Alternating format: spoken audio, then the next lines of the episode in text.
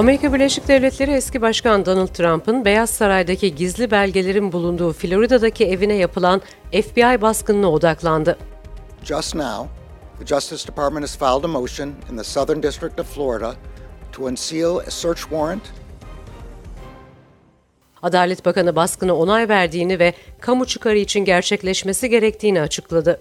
Washington Post'a baskının Trump'ın eve götürdüğü gizli belgeler arasında nükleer bilgiler içeren belgeler olduğuna dikkat çekti. That search was of premises located in Florida belonging to the former president. The department did not make any public statements on the day of the search. The former president publicly confirmed the search that evening, as is his right. FBI baskınından iki gün sonra silahlı bir kişi Cincinnati'deki bir FBI sağ ofisine girmeye çalıştı. Şüpheli yetkililere silah doğrultunca vurularak öldürüldü. Let me address recent unfounded attacks on the professionalism of the FBI and Justice Department agents.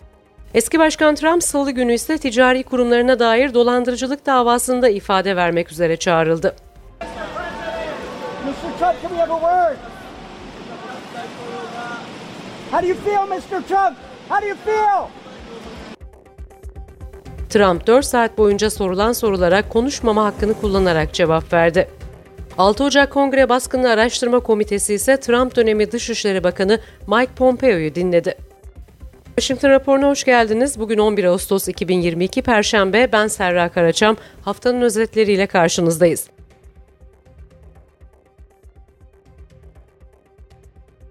Amerikan Savunma Bakanı Lloyd Austin, 5 küresel büyükelçilikteki askeri subayların temsil pozisyonunun düşürülmesini onayladı. 8 Ağustos'ta Austin tarafından imzalanan memorandum, Birleşik Krallık, Mısır, Türkiye, Pakistan ve Kuveyt için kıdemli savunma görevlisi savunma ateşesi pozisyonlarını general rütbesinden albay ve yüzbaşı seviyesi olan 06 seviyesine düşürmek için resmi bir plana dayanıyor. Amerika yasaları büyükelçiliklerde çalışacak yüksek rütbeli askeri ateşe sayısını sınırlamakta ve ülkeler belirli silah alımı ilişkileri, tehdit durumu, önem ve öncelik gibi unsurlar üzerinden belirleniyor. Memorandum Birleşik Arap Emirlikleri, Suudi Arabistan ve Irak için önceden planlanan pozisyonların düşürülmesiyle İsrail ve Filistin otoritesi için güvenlik koordinatörü rolünü düşürmeye dair planları ise durdurdu. Amerika Birleşik Devletleri eski başkanı Donald Trump, Florida'da bulunan Mar-a-Lago malikanesinin pazartesi gecesi Federal Soruşturma Bürosu FBI ajanları tarafından arandığını duyurdu. Amerika Birleşik Devletleri Adalet Bakanı Garland ise Perşembe günü kameraların karşısına geçti, arama emrine onay verdiğini açıkladı. Beyaz Saray, Başkan ve Beyaz Saray'ın Trump'ın Florida'daki evine baskın yapıldığını basında çıkan haberlerden öğrendiğini duyurdu. Trump operasyonu cadı avı olarak nitelendirirken Adalet Bakanı uygun şekilde arama izni alındığını ve emrin kamu çıkarı için gerekli olduğunu açıkladı.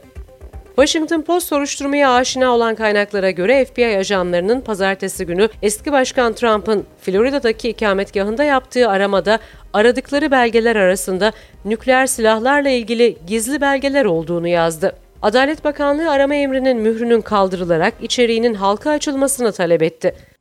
Arama izinleri açıklanıncaya kadar içerikleri mühürlenmekte. Gizli tutmak için bir neden olmadıkça emrin kamuya açıklanması gerekiyor. Trump ekibinin mahkemeyi gizli tutmanın kamu yararına hizmet ettiğine ikna etmek için Cuma günü saat 3'e kadar vakti var. Post'un haberine göre gizli bilgi uzmanları olağan dışı aramanın hükümet yetkilileri arasında Trump'ın Mar-a-Lago kulübünde bulunabilecek ve potansiyel olarak yanlış ellere geçme tehlikesiyle karşı karşıya olduklarına inandıkları bazı bilgi türleri konusundaki derin endişeye dikkat çektiğini aktarmakta. I will not stand by silently when their integrity is unfairly attacked. The men and women of the FBI and the Justice Department are dedicated, patriotic public servants.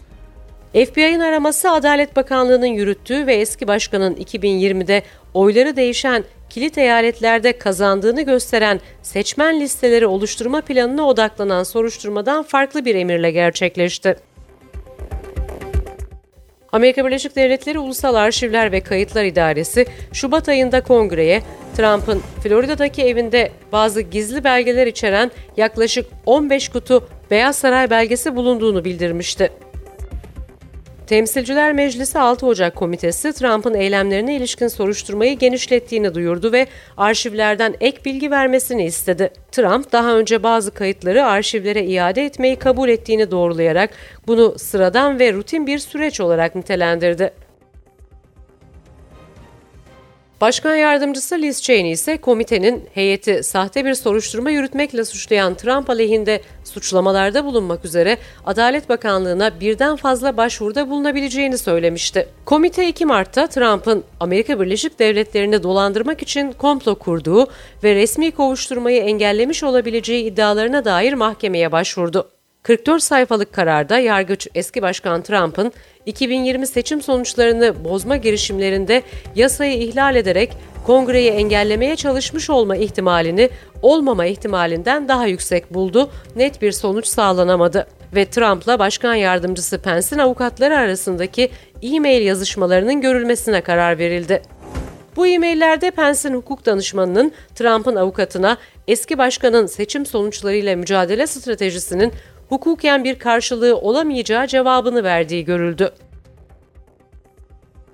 Meclis Komitesi'nin eski başkana suç duyurusu için konuyu suçlamaların getirilip getirilmeyeceğine kendisi karar verecek olan Adalet Bakanlığı'nı havale etmesi gerekiyor. 6 Ocak komite üyeleri suç duyurusunda bulunmayı amaçlıyor mu yoksa süreç siyasi bir kampanya olarak mı tutulacak tartışmalı. Örneğin Demokrat Benny Thompson konuyu cezai suçlamalar için sevk etmeyeceklerini söylerken Liz Cheney bu yolu dışlamadıklarını söylüyor. Demokratların bu aşamaya taşımaktan çekinmesinin sebebi doğru sonuç almak istemeleri ve ellerinde kendilerine boşa çıkarmayacak delillerin olmaması. Bu nedenle sadece komite üzerinden giderek Trump'ı bu şekilde hedef almaya devam edebilecekleri öngörülüyor.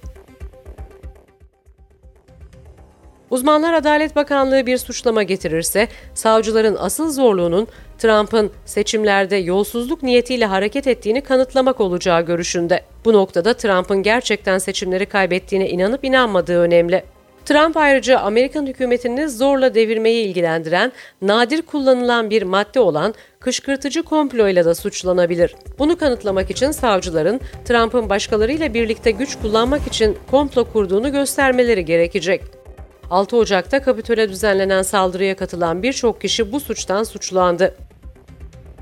Donald Trump'ın Mar-a-Lago konutunun aramasını eski Dışişleri Bakanı Hillary Clinton'ın gizli belgelere dair e-mailleriyle ilgili soruşturmayla karşılaştıranlar var. Clinton gizli belgeleri kendi e-posta serverına taşımıştı. Bu konuda baskın yapılmamasını çifte standart olarak nitelendiren yorumlar mevcut. There are, however, certain points I want you to know. First, I personally approved the decision to seek a search warrant in this matter. Clinton davası dışında eski general ve CIA direktörü David Petraeus'un gizli belgeleri kötüye kullanmakla ilgili soruşturması da yeniden gündeme geldi. FBI baskınından iki gün sonra Perşembe günü ise FBI silahlı bir adamın Cincinnati'deki bir saha ofisine tüfekle girmeye çalıştığını açıkladı. Yetkililer müzakereler başarısız olduktan sonra kolluk kuvvetlerinin şüpheliyi gözaltına almaya çalıştığını ancak şüphelinin yetkililere silah doğrulttuğunu ve vurularak öldürüldüğünü duyurdu. İlk akla gelense Trump yanlılarının FBI'yi hedef almış olabileceği oldu. Mar-a-Lago baskını ardından eski başkan Donald Trump, Trump Organization'ın ticari uygulamaları hakkında sivil soruşturma yürüten New York Başsavcısına ifade vermeye gitti. Trump sadece adını söyledi ve aile gayrimenkul işinde dolandırıcılık iddiaları ile ilgili sorulara yasal hakkını kullanarak cevap vermeyi reddetti. Trump'ın bu ifadede 400 kez bu hakkı kullanacağını söyleyerek cevap verdiği yazıldı. Mr. Trump, can we have a word? How do you feel, Mr. Trump? How do you feel? New York Başsavcısı James, Trump organizasyonunun banka kredilerine başvururken emlak mülklerinin değerini hileli bir şekilde abarttığından ve vergi makamlarına da daha az vergi ödemek için olduğundan az gösterdiğinden şüpheleniyor. Eski başkanın ticari uygulamalarına yönelik bu sivil soruşturmada uzun zamandır ifade vermesi bekleniyordu. Trump daha önce eski eşi öldüğü için ifade vermeye gidememiş ve ertelenmişti. Trump'ın Mar-a-Lago'da özel üyelere açık olan kulüp ve evinin bulunduğu komplekse FBI baskınına izin veren arama emrini imzalayan Florida yargıcı ise eski başkan Barack Obama'nın 2008 başkanlık kampanyasına bağışta bulunmuş bir isim. ve özel hukuk bürosu olarak çalışırken çocuk taciziyle tanınan Jeffrey Epstein'in özel jetinin pilotu ve programcısı Sarah Kellen gibi isimlerin avukatlığını üstlenmiş olduğu hatırlatılıyor. Trump dönemi eski Dışişleri Bakanı Mike Pompeo ise salı günü Meclis 6 Ocak Araştırma Komitesi ile bir araya geldi. CNN daha önce Pompeo'nun 6 Ocak tanıklığı ile ilgili komiteyle yaptığı görüşmeleri bildirmişti. Komitenin özellikle kabine üyeleri arasında 6 Ocak 2021'den sonra 25. maddeyi devreye sokmaya dair tartışmalara odaklandığı biliniyor. Donald Trump'ın eski avukatı Giuliani ise Ağustos sonunda Trump'ın Georgia Eyalet Sekreteri Brad Raffensperger'ın 2020 seçimi sonrası oyları buldurma yönündeki talebiyle ilgili olası cezai suistimallere dair büyük jüri önünde ifade verecek. Amerika'nın New Mexico eyaletindeki Müslüman cinayetlerinin baş şüphelisi yakalandı. Cinayetlerin baş şüphelisi olarak görülen 51 yaşındaki Muhammed Siyet, son 7 ayda işlenen cinayetlerden ikisiyle bağlantılı olarak görülüyor. Uh, we are working with the District Attorney's Office on potential charges for the murder of two other Muslim men. Birinci cinayet geçen yıl Afgan kökenli bir Müslümanın öldürülmesiydi. Son iki hafta içinde New Mexico Albuquerque'deki aynı cami cemaatinden iki Pakistanlı erkek daha öldürüldü. Polis durumu seri katil cinayetleri olarak ele alıyor. Amerikan İslam İlişkileri Konseyi, CAIR İcra Direktörü Nihat Avat, Şii topluluğu üyelerinin bu şiddetin hedefi olduğuna inanıldığını söyledi. Niem, Hussein and Mohammed Zair Amerikan Dışişleri Bakanlığı, Amerika'nın Rus birliklerinin geri çekilmesiyle gizlenen tehlikeli mayınlardan Ukrayna'yı temizlemesine yardımcı olmak için 89 milyon dolar ödeyeceğini duyurdu.